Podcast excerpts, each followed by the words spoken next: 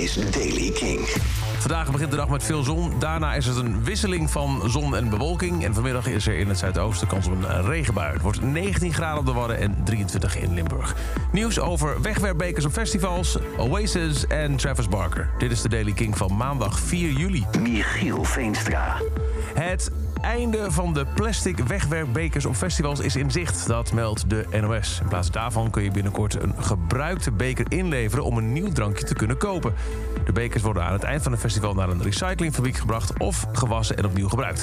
Dat meldt eh, de NOS dus naar aanleiding van een gesprek met Mojo... de grootste festivalorganisator van Nederland... die dit jaar vier proeven deed om dit te testen. De laatste was afgelopen weekend bij Woeha Rolling Deep... het driedaagse hiphopfestival in Hilvarenbeek. Het is wel extra werk, zegt Ruud Lemmen, de directeur van het festival. Want bekers moeten worden ingezameld, komen in een percontainer terecht en worden opgehaald. Maar ja, dat sparen we uit in schoonmaak. Het scheelt enorm als er niet honderdduizend bekers op de grond liggen, zegt hij. Misschien heb je dat systeem ook wel eens gezien op een uh, andere plek dan een festival. Bijvoorbeeld bij Avas Live of Ziggo.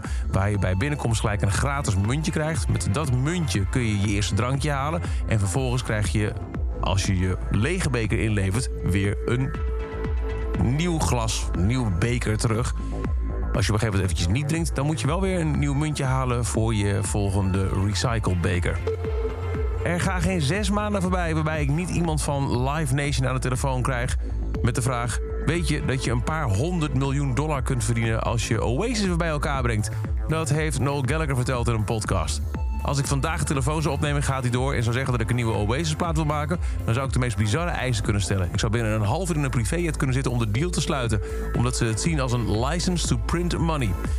Maar... Uh, Overtuigend? Nee, dat niet. Noel Gallagher zegt in dezelfde podcast dat hij ervan overtuigd is dat labels en concertorganisatoren er beter aan kunnen doen om op zoek te gaan naar nieuw talent in plaats van Oasis op de planken te willen krijgen.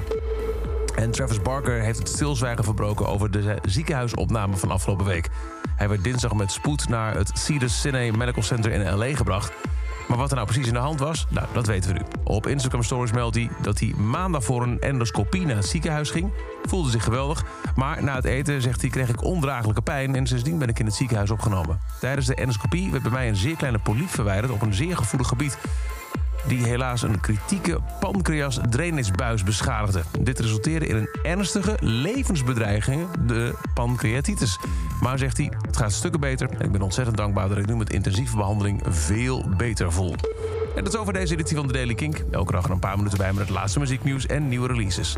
Niks missen? Luister dan elke dag via de Kink-app, kink.nl of waar je ook maar naar podcast luistert. En voor meer nieuwe muziek en muziekreleases luister je s'avonds naar Kink in Touch.